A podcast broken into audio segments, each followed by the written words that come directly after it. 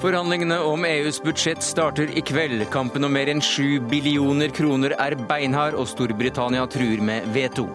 Unio krever at offentlige ansatte skal beholde pensjonsavtalen om private overtar omsorgsinstitusjoner. Tøvete uten rot i virkeligheten, sier NHO. Køene øker, og vi har fått et klassedelt helsevesen under de rød-grønne, sier Høyre, og møter helseministeren til debatt. Hevngjerrig Carl I. Hagen har skylda for at Oslo ikke får skikkelig kulturbygg, mener Erling Fossen, og møter Hagen til debatt. Og Håkon Blekens portrett av Liv Ullmann avdukes i Nationaltheatret om en drøy time, etter at de har besøkt Dagsnytt 18.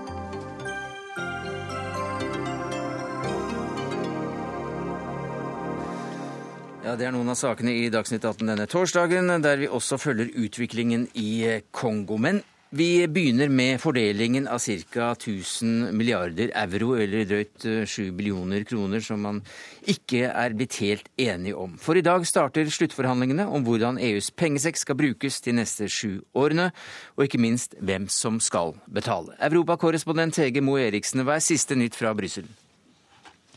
Ja, Her i Brussel så starter møtet om en snau time, men allerede så har topplederne i EU sittet i bilaterale møter hele dagen. For så stor er floken blitt at man lenge har vært i tvil om man kom til å bli enig i det hele tatt. Og fortsatt så går man rundt her i Brussel og lurer på det, selv om det har kommet noen optimistiske tegn. Men jeg snakket eh, bl.a. med Sveriges statsminister Fredrik Reinfeldt og spurte han om, tro, om, han tror de blir enige, og han sa da at uh, han er innstilt på at det vil, langt, vil, ta lang tid, og at han ikke har det travelt. Så det tyder på at det kan bli noen eh, lange og utmattende dager for eh, topplederne her. Ja, Hva er de vanskeligste spørsmålene denne gangen? Ja, Det vanskelige spørsmålet er jo hvem som skal betale mest for EUs eh, langtidsbudsjett. Det er som du sa, et budsjett for de neste sju åra, og det er et budsjett som bestemmer hvem som skal betale for jordbruket, for forskningsprosjekter, for diplomatlønninger og kontorleie og alt det andre som inngår i EUs eh, e budsjett. Det har en verdi på nær 1000 milliarder euro, og den store striden står mellom dem som vil kutte i budsjettet, og dem som vil bevare sjenerøse generøse støtteordninger. Og dette har skapt stor splid i Europa. Det sies jo her i Brussel at uh, selv i gode tider så er budsjettet en utmattende maratonøvelse. Og nå når EU er i dyp krise, så er det enda mer smertefullt. Og hvilke land står mot hvem? Ja, Frontene går litt på kryss og tvers, avhengig av hvilken budsjettpost man snakker om.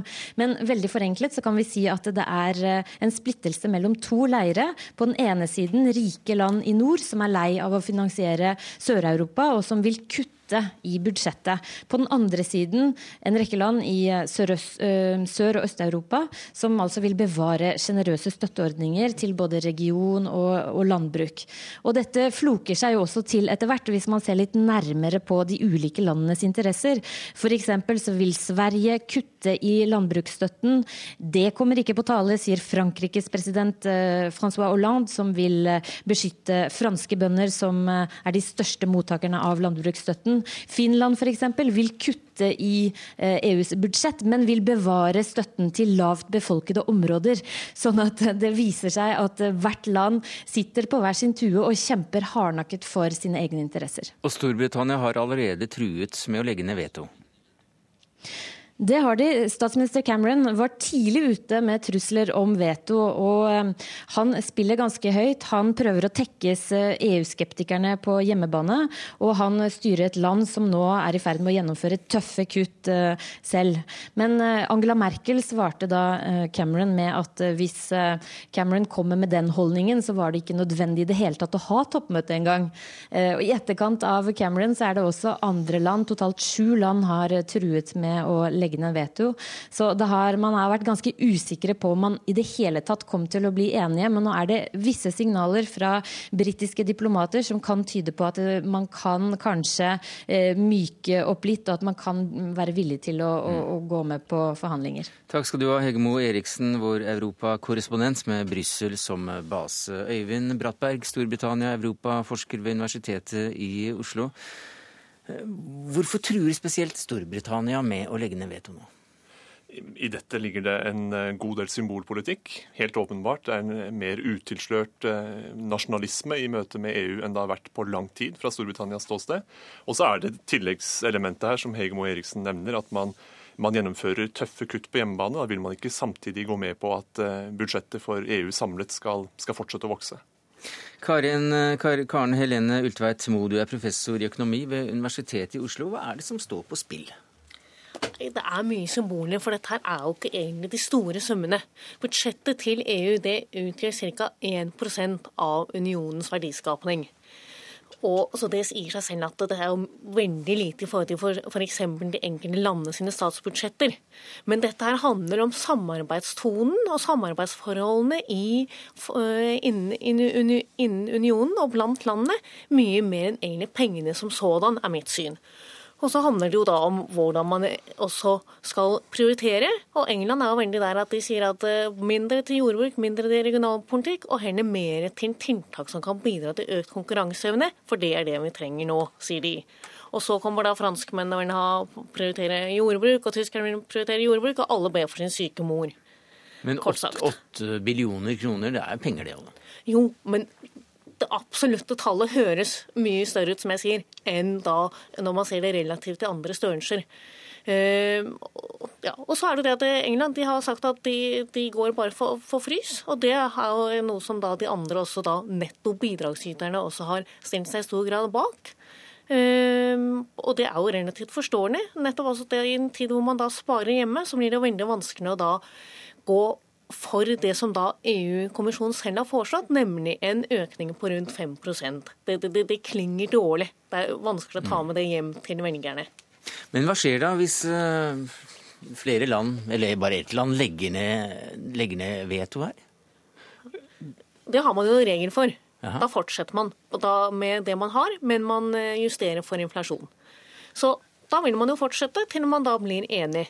Eh, så jeg tror at Hovedproblemet med det er at det igjen skaper en dårlig tone. Og man har jo mange vanskeligere ting som nå er på trappene. Man har Hellas som brenner, man har de forskjellige andre tiltakene man ønsker å gjennomføre innenfor eurosonen når det gjelder da å legge til rette for en mer komplett monetær union.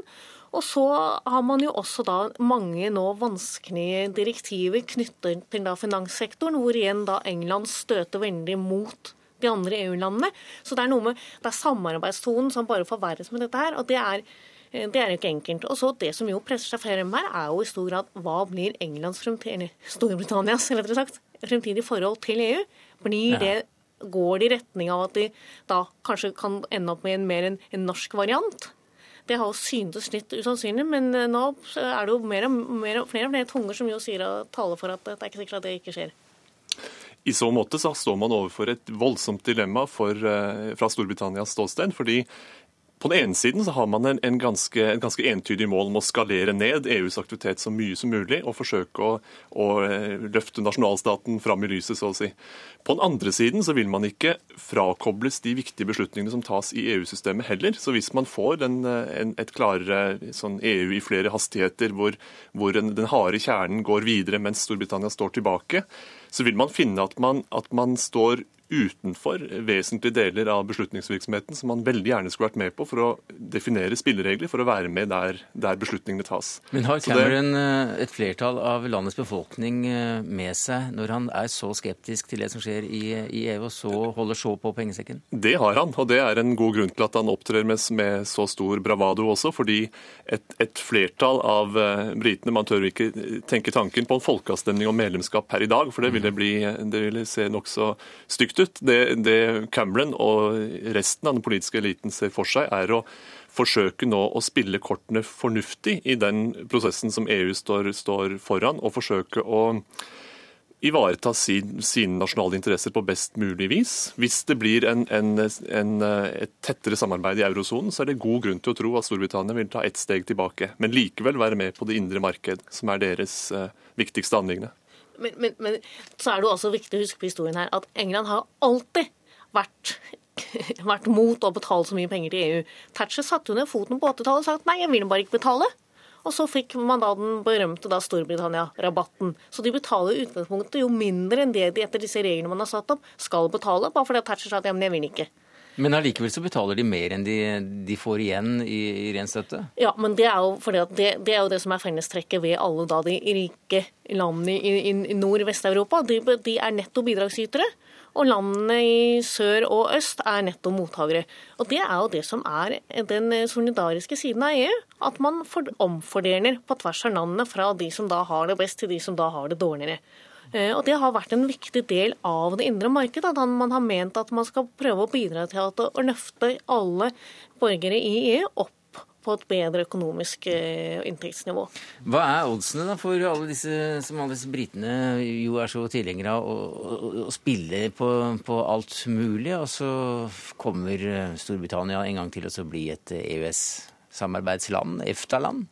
Det er eh, to ting å si om det. Det første er at, at, man er ganske god i Storbritannia til å balansere tøff retorikk og realpolitikk. Altså Når det kommer til stykket, så er man ganske pragmatisk anlagt. Så det skal mye til at man, man stuper uti det med hud og hår uten at man er helt sikker på at det er beste løsning. Og Det andre er at en, en sånn EØS-løsning for Storbritannia vil, vil være fryktelig ille, det også, fordi man er desperat opptatt av nasjonalt demokrati, i betydningen at parlamentet har kontroll. Mm. Og Man kan si mye vakkert om EØS-avtalen, men at, at, nasjonale parlamentet har kontroll, kan man jo ikke helt og fullt si. Så det, det er en mm. løsning som britene ikke er særlig begeistret for. Takk skal du ha, Eivind Brattberg, Storbritannia-forsker ved Universitetet i Oslo, til Karen Helene Ultveit Moe, professor i økonomi ved Universitetet i Oslo.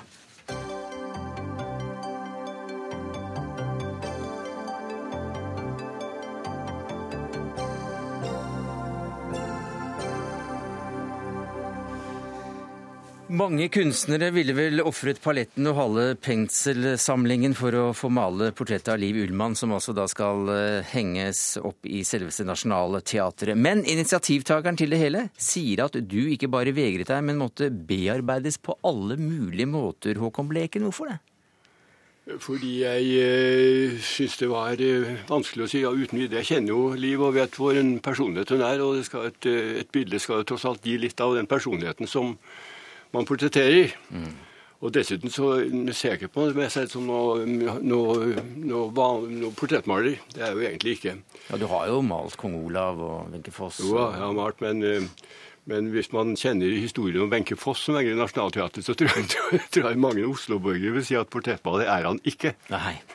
Men Liv Ullmann, det er da så flott eh, at du kunne komme til oss sammen med Håkon Bleken som et slags eh, vorspiel her, uten stett riktignok, før den store avdukingen altså om en, eh, om en drøy times tid i Nationaltheatret av vår verdensstjerne på de skrå bredder, som du, som du så absolutt er.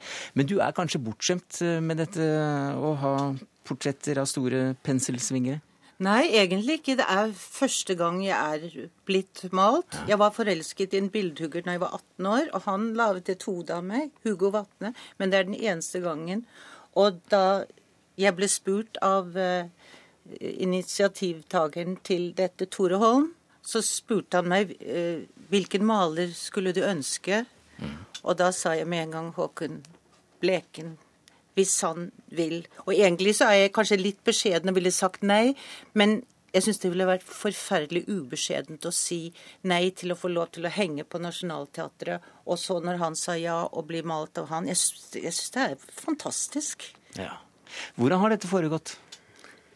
Ja, Det har foregått ved at jeg har eh, skaffet meg en god, god, god del materiale over liv. Og så har jeg også da snakket med henne og vært sammen med henne. Og så har jeg eh, ut fra det lagt opp en, eh, en, eh, viss plan for å male bilder. For Hvis jeg skal male et portrett, så vil jeg helst at det, at det ikke bare er et offisielt portrett, men, eh, men altså inn, at innfallsvinkelen til et sånt portrett er av en viss art som ikke har bare med et offisielt portrett å gjøre, men f.eks. er litterært. Mm.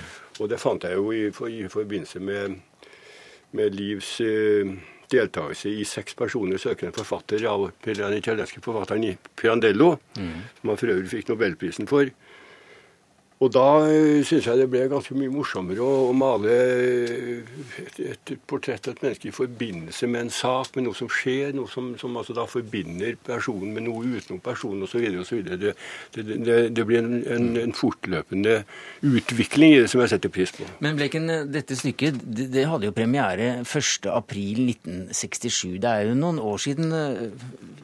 Men du kjente til den oppsetningen? Ja, jeg kjente stykket, og jeg tok toget, eller fra Trondheim til Oslo for å se det stykket. Ja. Det er to ganger jeg har gjort det. Den ene gangen var det stykket, og den andre gangen var Claes Gill i, i Gogos Revisoren. Og jeg må si jeg angrer ikke på de to turene der. Det var fantastiske forestillinger begge to. Det var Bergman som satte i scene. Ja, Det var det jeg skulle si. Det var jo en kjent av deg, bekjent av deg som, som var regissør her. Ja, Ingmar Bergman. Men da hadde jo vi allerede gjort to filmer og hadde et barn sammen. Og hans ønske var virkelig å komme til Nationaltheatret og, og, gjøre dette. Og da må jeg si om dette bildet, for jeg syns det er mye mer om man kan si det sånn enn et portrett, for det er fullt av liv. Nå mener jeg ikke denne liv, men liv. For det er ikke bare en kvinne, det er et liv omkring henne. Det er mm. saker som skjer omkring henne. Og jeg så så mye der som jeg syns stemte med mitt liv. Fotografi er én sak. Du blir tatt når du er liten, og du blir tatt når du er stor. Og du kommer aldri til å eksistere sånn igjen. Men det som er på et maleri, det er noe som forteller så mye mer om mennesket og det er riktig i dag, og det er riktig om 100 år. Fordi det, det er ikke tidsfestet. Det er en del av mm. en sjel. Ja, for Til Adresseavisen så sier du at dette bildet som, som du valgte ut Du valgte ut fra, fra, Det var seks bilder som var malt, og du valgte ut et av dem. Vi skal komme tilbake. Åtte stykker, ja. Eh, så, så, har du sagt at du, du opplevde at, eh, at, dette bildet inneholder så mye av deg, også av ting de har vært opptatt av, av, selv, og private ting som Bleken aldri kunne vite noe om. Ja, og det er riktig.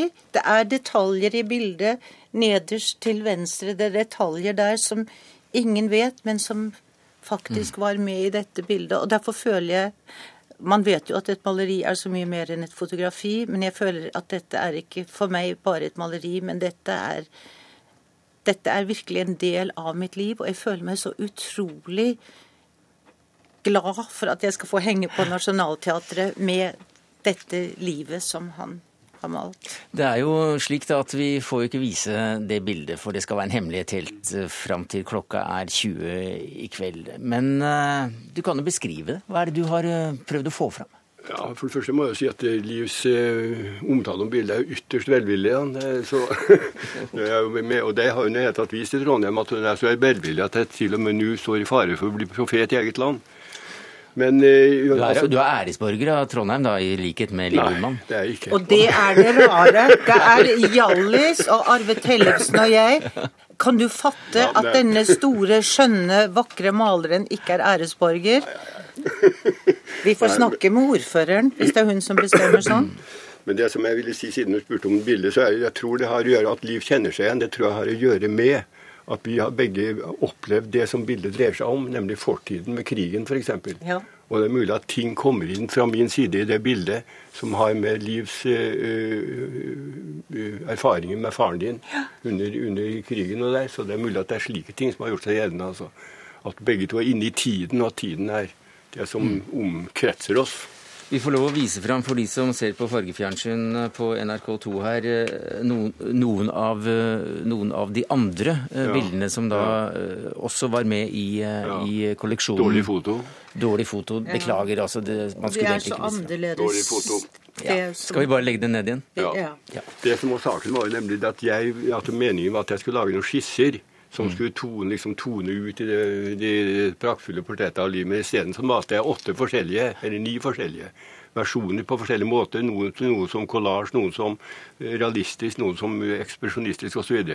Slik at, at Liv da kunne velge mellom det. og det var sånn på den måten å foregikk. Hvordan var det å velge ut bildet, da? Du var vel oppe i Trondheim? og Jeg var oppe i Trondheim. Det er eh, kjemperart. Men jeg, jeg, jeg var ikke i, i tvil. Fordi at det er ikke et portrett. Det er en dame der også som, som er meg. Ligner jo på Ja, det er mulig at det ligner når jeg var, var, yngre. Men det er sånn som jeg kjenner meg inni meg også. Jeg er like ung innvendig. Men også det som var rundt, som er en del av det livet, og det han nevnte, krigen og pappa som døde under krigen, og bestefaren min som døde under krigen. At det var så mye av det som også er så virkelig for meg i dag. De menneskene jeg aldri fikk være sammen med, de er plutselig inkorporert i et bilde, og det er så mye av hvem jeg er, og hvorfor jeg er, og hvorfor jeg tar de valgene jeg gjør. Og det kunne jo ikke han vite. Og, og det har han gjort. Ja, det kunne jeg gjort. ikke vite, men det er vel kanskje er det ikke så sterkt til stede. Men når du sier det, så Ja, er jeg glad for det. Ja, men det er, det er det jeg ser. Man Ja. kan jo se så mye annet også. Og så er hun, da, som også er meg, hun er yngre enn hvem jeg er. Hun er vel hun som spilte seks roller. Men det er jo egentlig det jeg er også, selv om du ikke kan se det så tydelig i dag. Så er det sånn som jeg er inni meg. For, for et likhetstrekk mellom det å være uh, billedkunstner, maler og en, eh, en skuespiller, er jo at dere portretterer.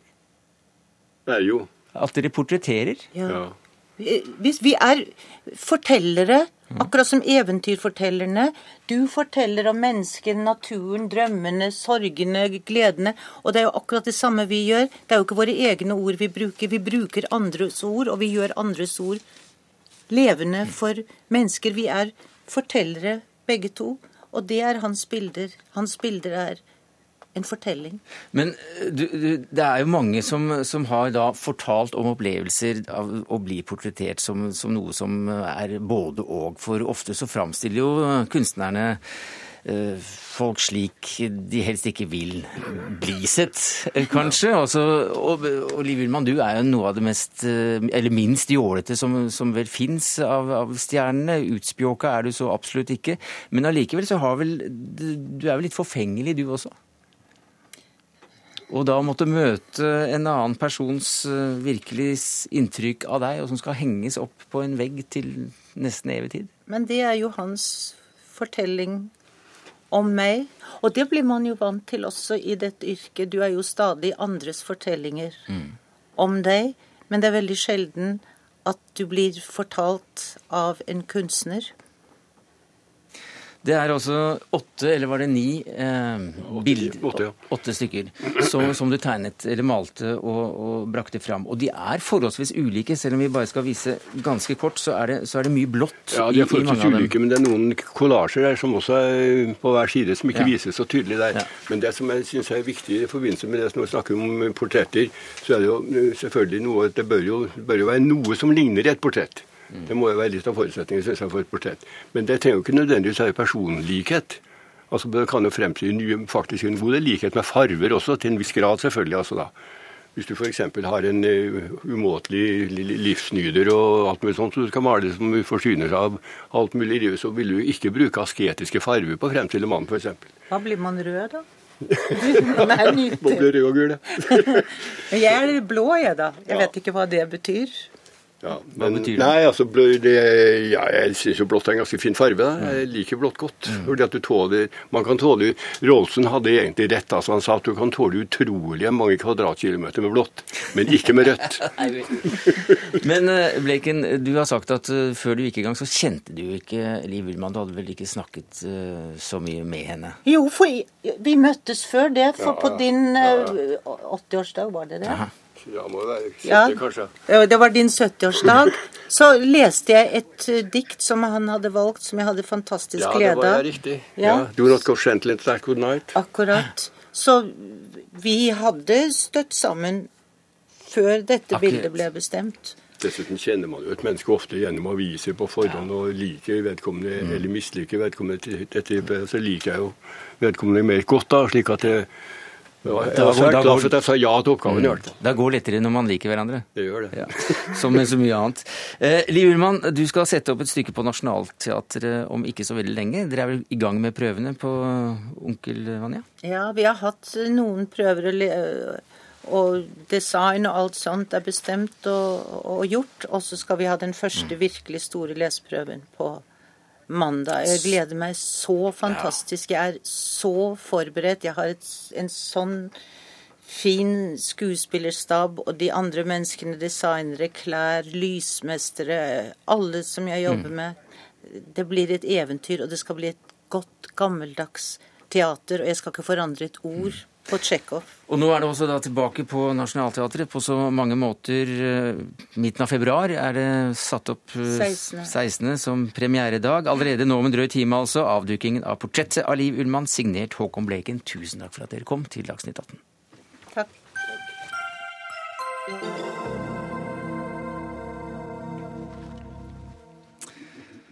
Så til en eh, ganske betent strid om pensjonsrettigheter. For nå vil Unio ha et lovfestet pensjonsnivå. Det betyr at eh, private selskaper som vinner anbud om å drive velferdstjenester, skal pålegges å gi sine ansatte like gode pensjoner som ansatte ved offentlige institusjoner. Og Hvorfor er dette så viktig, Unio-leder Anders Folkestad? Det er det offentlige, i første rekke kommunene, som har ansvar for å drive Velferds-Norge. Helse og velferd, barnehager osv. Og det er en hovedoppgave.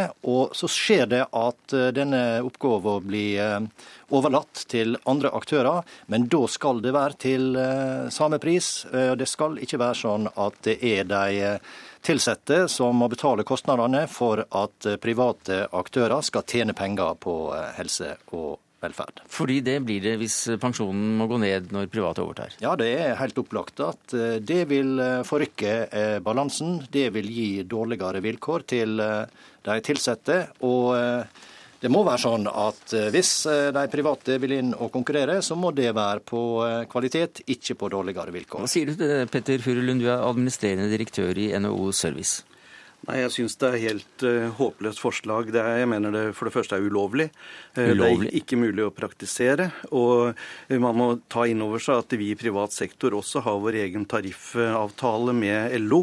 Altså, Dette blir også å overkjøre de private. Og, og det er en merkelig resonnement bak dette. Altså, da må jeg spørre, vil dere også bli frontfag etter hvert? Altså i, nettopp i, i, i lønnsdannelsen i Norge så har vi jo industrien som går foran og setter visse grenser.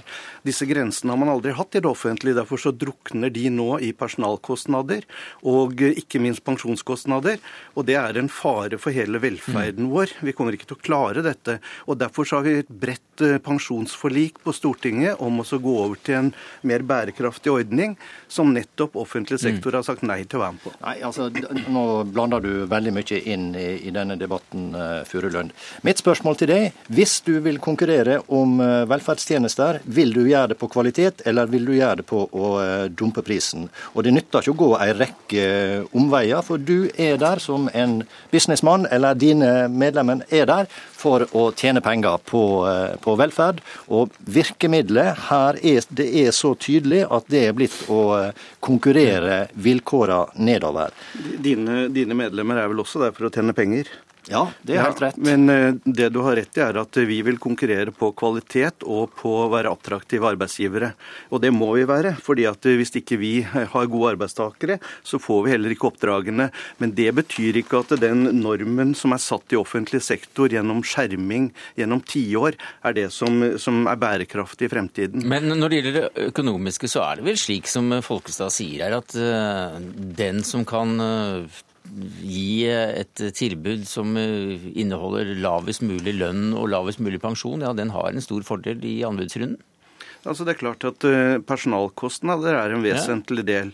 Eh, og Det er flere måter å, å, å, få ned personalkostnadene på. En av de er også å ha lavt sykefravær. Vi har mye lavere sykefravær. Ja, også, også da å turnover, ha, dårligere pensjonsordninger. Og Hvis du ser på pensjonsordningene, så er altså den pensjonen man får i våre bedrifter, helt konkurransedyktig med det offentlige, men den er mye billigere.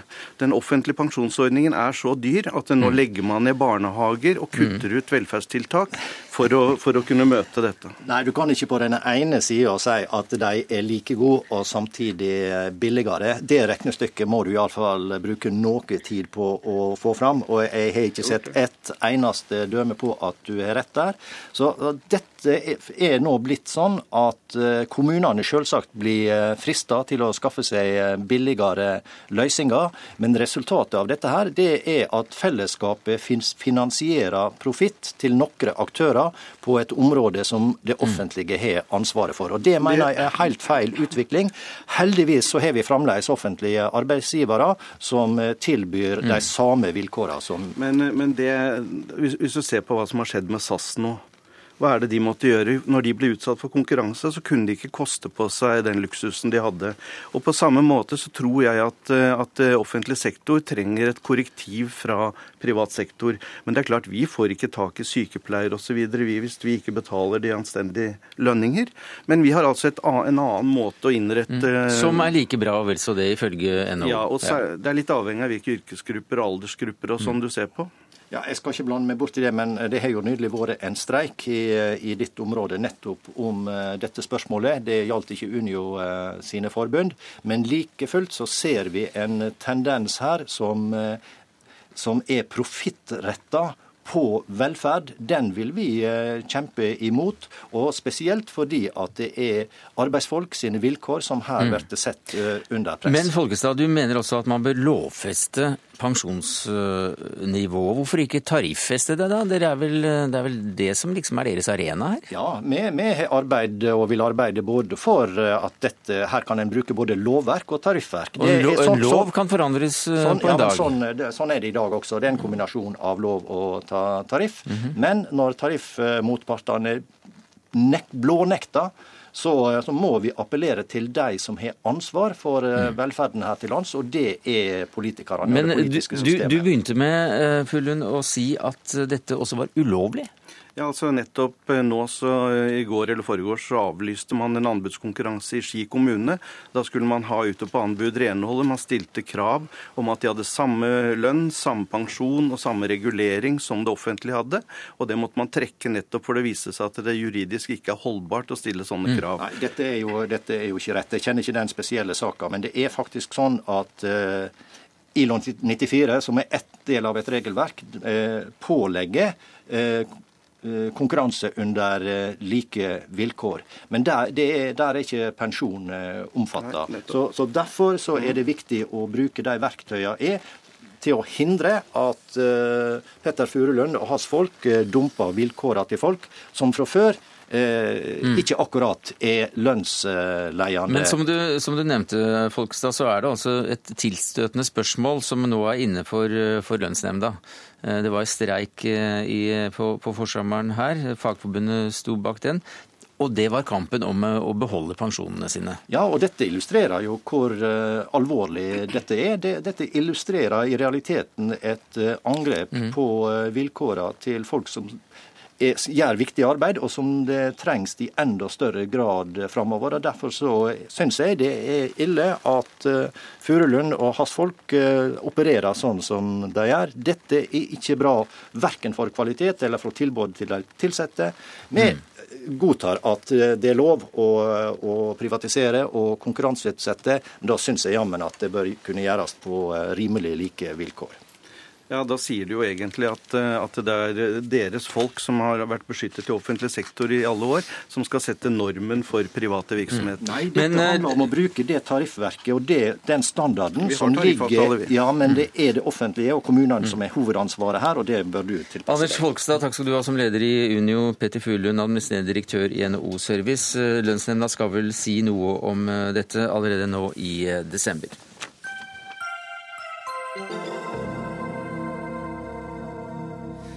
Vi holder oss eh, innenfor temaet, så å si, for eh, det dreier seg om eh, offentlige tjenester kontra private, mulighetene til private å komme inn på det markedet. For siden de rød-grønne kom til makten, har helsekøene økt med over 80 000 pasienter, og det uttrykte du stor bekymring for i interpellasjonen i Stortinget for et par timer siden, Bent Høie. Du er leder av helse- og omsorgskomiteen for Stortinget på, eh, på, Stortinget for Høyre. Hvilke spørsmål er det du i den eh, omgangen forlangte svar på av helseministeren? Det som eh, bekymrer oss i Høyre, det er jo at samtidig som de offentlige helsekøene har blitt lengre, så ser vi at flere nå har private helseforsikringer. 330 000 omfattes nå av helseforsikringene. Til neste år vil det være oppe i 350 000. Eh, vi ser at det aldri før har så mange eh, brukt av egen lomme og betalt for nødvendig helsehjelp. Og Det som bekymrer oss, det er at vi ser en, en tendens til at eh, fordi at vi ikke klarer å gi folk raskt nok hjelp i det offentlige helsevesenet, mm. så vil de som har god økonomi eller en velvillig arbeidsgiver, komme raskere fram i køen. Så spørsmålet ditt, det var da? Så spørsmålet mitt var da hvordan skal vi hindre at vi i Norge utvikler et todelt helsevesen der de som ikke har god økonomi eller er i jobb, mm. blir stående og vente lenger og lenger, mens eh, folk som har eh, jobb og god økonomi, kjøper mm. seg fram i helsekøen. Og Hva er svaret på det, helseminister Jonas Gahr Støre? Ja, det er flere svar på det, og det er også et par utfordringer i det. Eh, når vi skal vurdere ventetider, så er spørsmålet hvor mange behandles. Og det behandles altså 1,5 millioner flere i dag enn i 2005. Eh, og Det betyr at eh, det at folk venter, eh, det er naturlig i overgangen mellom fastlegen og behandling. Spørsmålet er hvor raskt får du behandling, og hvor mange kan vi behandle. Vi behandler mange flere, og ventetiden er på vei, på vei ned. Og Jeg er opptatt av å få dem ytterligere på vei ned. Dette med helseforsikring det kan jo ikke bekymre Bent Høie så mye, for han har jo gått inn for skattelettelse for helseforsikring. Det fjernet vi. Det er ikke mulig å forby helseforsikring, men tall viser jo at ja, litt over 300 000 har det. Men eh, de aller fleste av dem har det gjennom jobben. Og antallet som tegner det privat, det går ned. Og så har jeg også lagt fram i Stortinget i dag tall som viser at vel, altså 0,14% av helseutgiftene kommer fra de utbetalinger fra de forsikringsselskapene. Den beste helseforsikringen er folketrygden. Men det debatten har handlet om i dag, det er jo Høyres forslag til å gjøre noe med dette. Og det er å si at alle som vil opprette private tilbud, de skal kunne ta imot pasientene dersom pasientene har et behov, og så skal det offentlige betale. Og Det har en samlet uh, regjeringsfraksjon kritisert, fordi vi er urolige for at det vil for det første være uh, dårlig for prioriteringen i helsevesenet. For mm. da kan ikke det offentlige lenger prioritere. Det vil gå utover uh, bemanning, ekspertise, tilbud i det offentlige som blir sittende igjen med tunge tilstander. Og så er det økonomisk veldig Eh, vanskelig å forstå at Høyre ikke vil øke rammene til mm. sykehus, mm. men vil åpne denne frie billetten. Det er, enklere, det er, enklere, med Fremskrittspartiet, for de sier at bruk så mye penger dere vil. Det, det sier ikke mm. Høyre. så vi er Men det er Høyre som er her, så han får svare. Ja. Nei, det er helt riktig at uh, vårt uh, svar på denne utfordringen er å innføre fritt uh, behandlingsvalg og styrke pasientens rettigheter, sånn at de ikke vil ha behov for verken å bruke av egne penger eller kjøpe helseforsikringer. Det er jo et, uh, veldig typisk at når Arbeiderpartiet ser at det selges flere helseforsikringer, så er svaret deres å skattlegge de, istedenfor å se på den underliggende årsaken, nemlig at folk ikke får uh, nødvendig helsehjelp uh, raskt nok. Så det som jeg mener, det er at vårt system ville jo gjort, og det er det jeg ikke helt forstår med Støre sin innvending, fordi de menneskene det er snakk om, de er jo prioritert av det offentlige. Hadde det vært sånn at Høyre sa at uh, hvem, som, hvem, som, vil, kan velge å gå og få behandling fra hva en vil, så hadde jeg vært enig med Så det er det offentlige fremdeles det er det offentlige som skal prioritere. Så det som da er spørsmålet, det er hva er det Støre mener er galt med at folk mm. får behandling raskere, når de allikevel har fått en rett av det offentlige til å få altså, behandling? Det viktigste er at folk får god behandling for en helt stor bredde av uh, problemer de måtte ha, de kompliserte og de enklere. Uh, men altså det Høyre sier er at hvis du har fått identifisert et behov for helsehjelp, så kan du ta med det eh, stempelet på det papiret og gå rett ut i det private markedet, hvor det måtte være, få det behandlet, og regningen sendes til det offentlige. Det er jo da bruk av offentlige ressurser. De må jo komme fra et sted. Men hvis behandlingen er eh, aldeles utmerket, og det går jo mye fortere enn det det offentlige gjør, så hva er galt med jo, det? Men da vil, da vil jo jeg, altså, vi, vi, vi, kjøper i dag helsetjenester fra det private for 11 milliarder kroner. Eh, og det er helsehjelp som kjøpes for å ta bort flaskehalser, mm. og for å kjøpe hele pasientforløp. Men hvis Høyre har sånn ubegrenset tilgang på nye penger, så ville jeg heller brukt dem i det offentlige helsevesenet for å bygge ut det som sikrer likeverdige tjenester over hele landet. Mm. Det systemet Høyre foreslår, det vil etter min mening føre til uh, et betydelig helsebyråkrati for å kontrollere alle disse private som opprettes. Det vil svekke evnen vår til å prioritere mellom ulike typer tilstander. For mm. det at du har fått behovet ditt identifisert, og du skal få det uh, si, behandlet i helsevesenet, det sier jo ikke noe om rekkefølgen mm. på prioriteringen. For det er alvorlige lidelser og mindre alvorlige. Og det er det sykehusene, beslutninger sykehusene tar hver eneste dag. Det sprekker opp med dette systemet, tror jeg. Altså, Vårt løsning er jo at hoveddelen av pasientbehandling skal skje i det offentlige. 80 av pasientene er akutte, det kommer til å skje i det offentlige. Det som de private og ideelle har sitt fortrinn, det er jo når det gjelder å gjøre veldig enkle, standardiserte inngrep. Der er de både mer effektive og mer billige enn det offentlige. Eh, Helse Sør-Øst gjennomgang av dette viste at de tok eh, ca. 50% av det som er den offentlige satsen og klarte de private gjennomføre dette for 50% av prisen. Mye billigere, altså, Mye billigere. og like bra. Det, og, og uten byråkrati. Dermed får vi mer behandling eh, og raskere behandling eh, til en rimeligere pris enn hvis folk skal stå og vente, være sykemeldte eh, og få behandling i det offentlige. På, men, er, er, det, er, det, slik du, dere ser det også i men, den altså, rød-grønne regjeringen? Så enkelt er det ikke, programleder. fordi at Hvis det blir slik at det private skal ta de enkle tingene, det som du kan gjennomføre fort, så skal det offentlige sitte igjen med det kompliserte. Det offentlige har bl.a. også ansvar for forskning, utvikling, utdanning av nye folk. De har behov for å kunne drive med helt, en hel bredde av saker. Og Med Høyres modell så vil jo de som etablerer seg privat, garantert offentlig finansiering, et subsidiert privat marked. De tar da de enkle lidelsene. Blir det komplikasjoner med de lidelsene, så må de vel tilbake i det offentlige. Eh, jeg tviler ikke på Høyres hensikt, og det har vi sagt til hverandre i Stortinget i dag, at de ønsker et godt helsevesen. Jo, jo. Jeg tror dette er en dårlig løsning. Mm. Og jeg tror det er en veldig, eh, Når Høyre sier at budsjettene er de samme, men vi skal bygge opp et privat tilbud, så må de folkene komme fra et sted. Og pengene må komme fra et sted.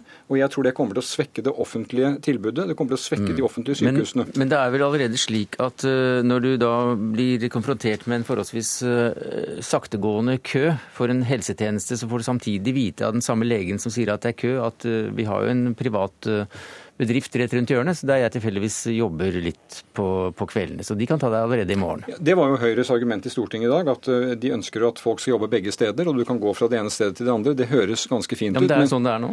Vel, til en viss grad er det sånn. Og jeg tror at uh, nordmenn har penger i dag, og de kjøper seg helsetjenester av et ganske bredt spekter. Alt fra trening til behandling. Ja, Hva er galt i det? Nei, altså det er galt i det hvis det svekker muligheten vår til å gi de tilbudene som et avansert helsevesen skal gi i et mm. lite land med fagpersonell. Jeg har nevnt ett eksempel i dag. Eh, på Stavanger sykehus der behandler de kreft. Og de behandler med eh, kosmetisk kirurgi brystrekonstruksjon for mm. kvinner. Mm. Det krever at du har de kirurgene, og du har det kreftmiljøet.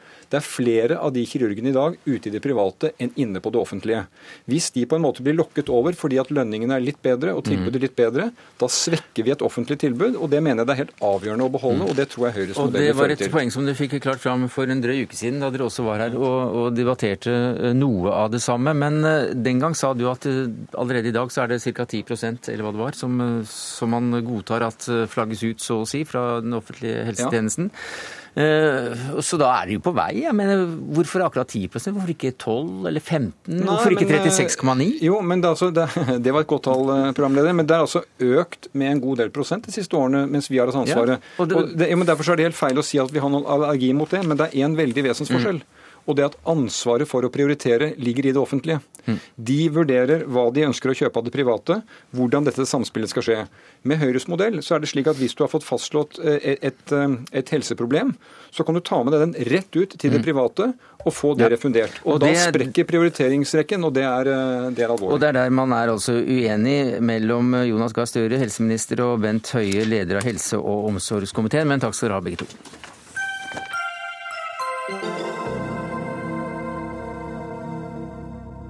Ja, Igjen kommer det dårlig nytt fra det østlige Kongo. Tirsdag kom meldingen om at opprørsgruppen M23 har tatt byen Goma øst i landet, og titusener ble drevet på flukt. I dag har ryktene løpt foran opprørerne om at de er på vei til Bukavo, provinshovedstaden i Nord-Kivu, og tusener skal være evakuert. Tom Christiansen, utenriksmedarbeider, mangeårig Afrika-korrespondent for NRK.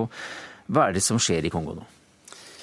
Det er en eh, gruppe soldater som har brutt ut fra regjeringshæren fordi de ikke fikk de stillingene i regjeringshæren de ville ha etter et fredsforlik i 2009. De har brutt ut. De er kanskje 1200, kanskje 2000 soldater. Og nå tar de eh, Goma, som er en stor by på en million mennesker.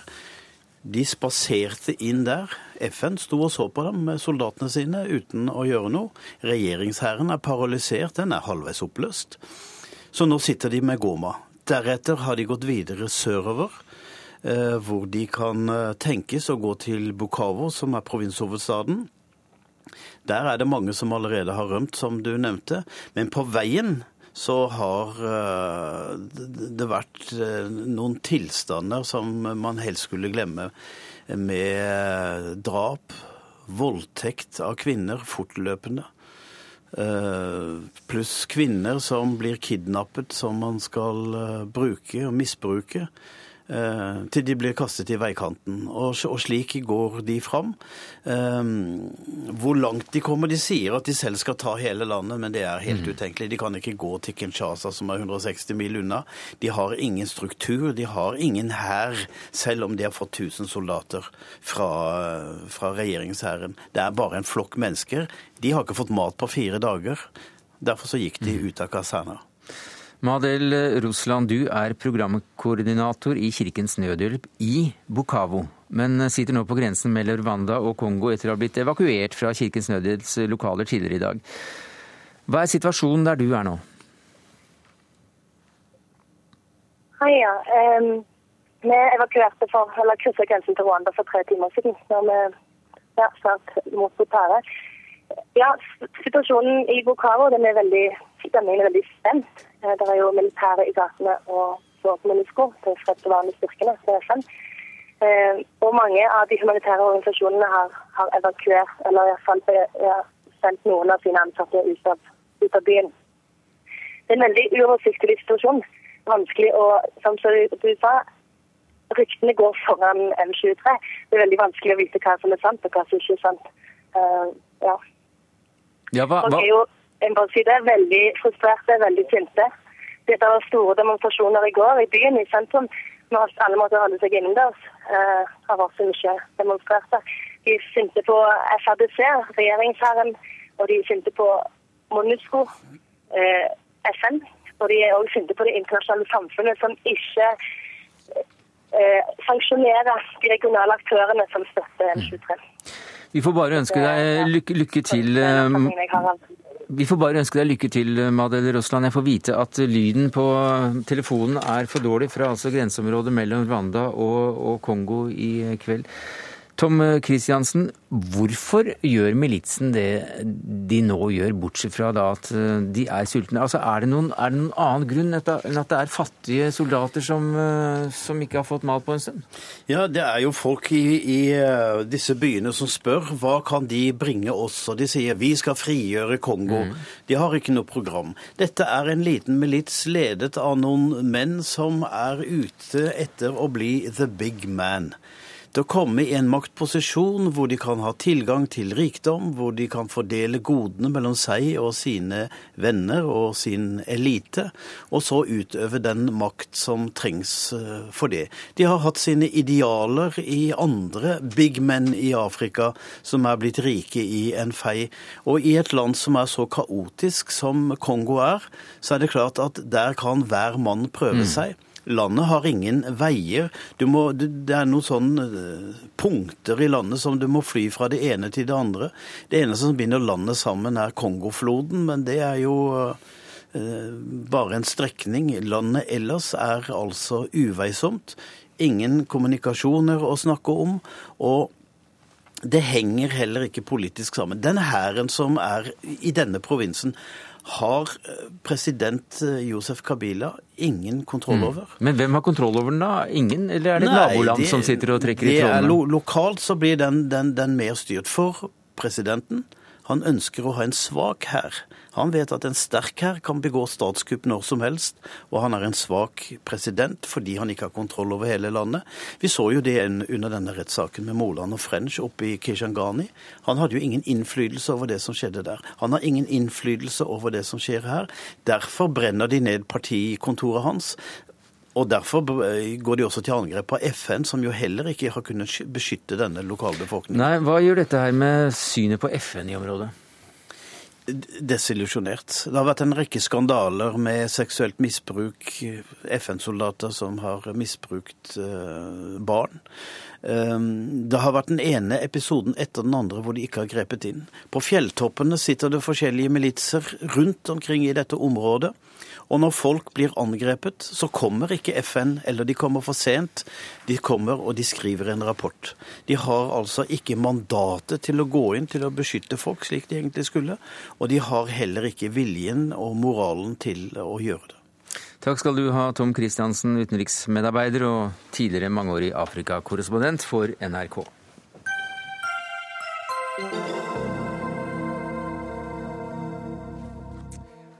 Carl I. Hagen skal bruke resten av sitt politiske liv til å ta hevn på alle som har nektet ham innflytelse. Ja, det sier du, Erling Fossen, som eh, sekretær i Deichmansk Venner.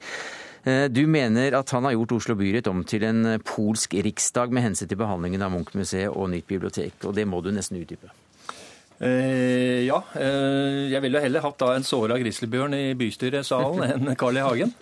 Eh, for det er jo helt utgangspunktet at når du går inn i politiske forhandlinger, så må det være en slags form for eh, realisme i det.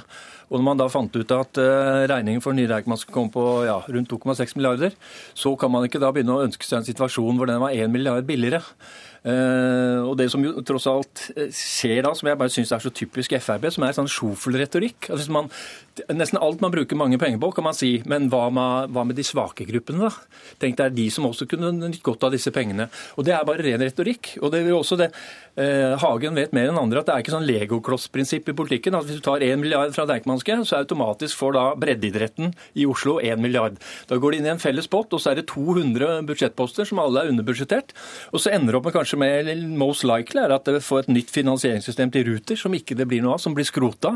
Eh, vi kommer til å tjene en milliard antageligvis i denne åra, for nå har vi ikke en Frp-byrå, så vi får ikke et sprekk på Holmenkollen på 1,1 milliarder. Så, så, jeg bare syns at hele retorikken hans når han går inn, så skal han være ansvarlig, men det er bare sånn sjofleretorikk. Hva sier du til det, Carl I. Hagen? Det er altså fremdeles kraft i bjørnelabbene dine, men eh, rent politisk så syrer du fælt.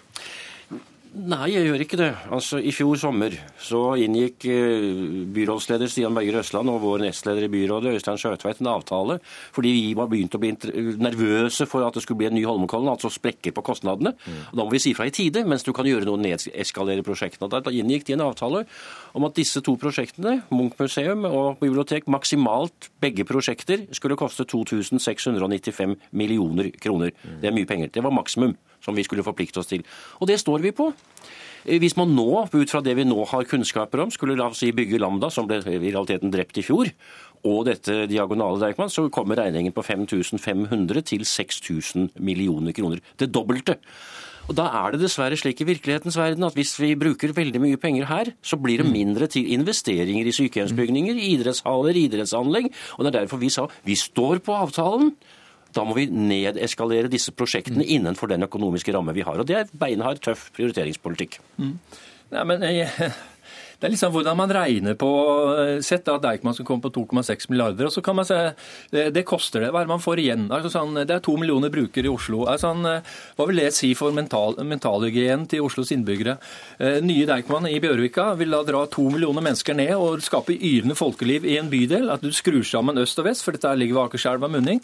Hvor mye er det verdt? Hvor, hvor, mye taper vi hvert eneste år på å ha en delt by som den nye Deichmanske da så sentralt plassert kan egentlig gjøre noe med? Så det, det er sånne regnestykker som er så enkelt, for det er ikke her i verden at du sier virkelighetens verden. Ja, Da tar du ikke og fjerner 1 milliard fra Deichman, så plutselig 1 milliard på helse og eldre. Det vet du. Og sist byrådsforhandlinger, det du klarte da, var å flytte på 1 million kroner til Human Rights Service, til Hege Storhaug. Sånn, så det mm. er ikke slik da at man bare kan flytte milliarder, sånn, alt dette eget forgodtbefinnende. Jeg vet at Erling Fossen, av disse Deichmanske venner, som vel er en 15-16 mennesker, det får vi undersøkt litt seinere, snakker på seg, vegne av seg selv. Eh, vi fikk faktisk en, ganske mange hundre nye sykehjemsplasser i budsjettforliket forlikene våre i fjor. og Da vi går inn i forhandlinger, så er det for å prioritere.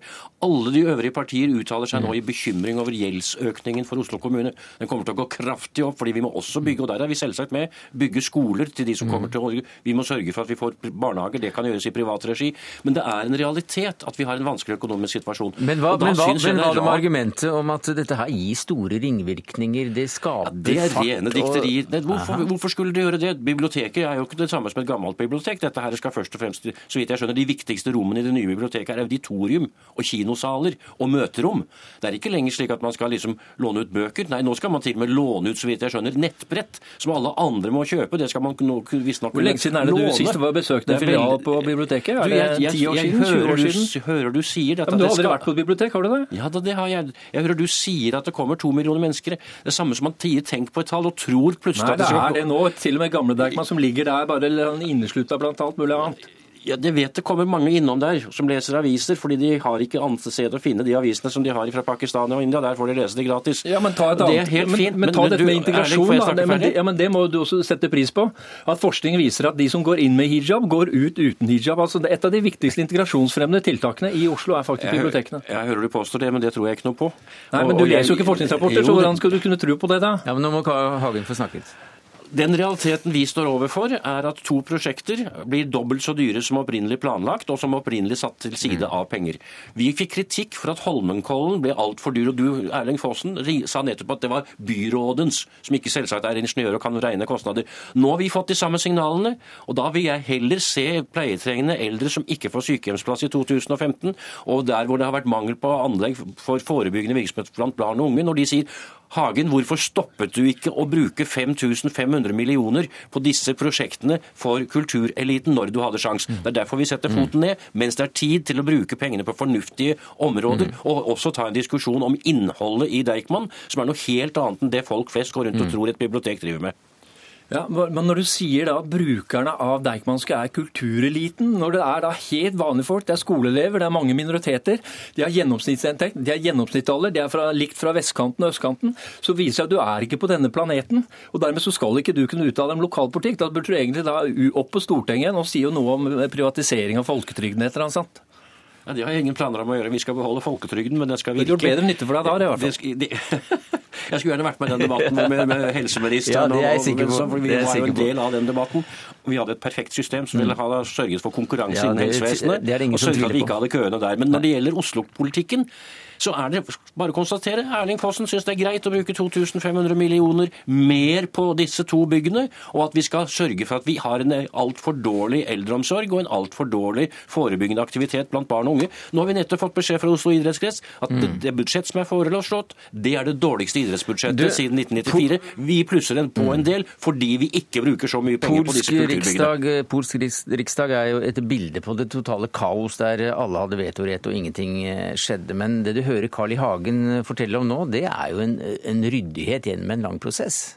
Ja, Men også når du går da i budsjettforhandlinger og så skal du plutselig barbere bort 1 milliard, så vet du at det er helt umulig. Og da sender du da eh, Hva er det som da, gjenstår? Altså sånn, Enten så må Høyrebyrådet gå et sånn slalåmbudsjett hvor de lager en storallianse med Arbeiderpartiet, og det er jo det beste, for det er da man kan bygge by.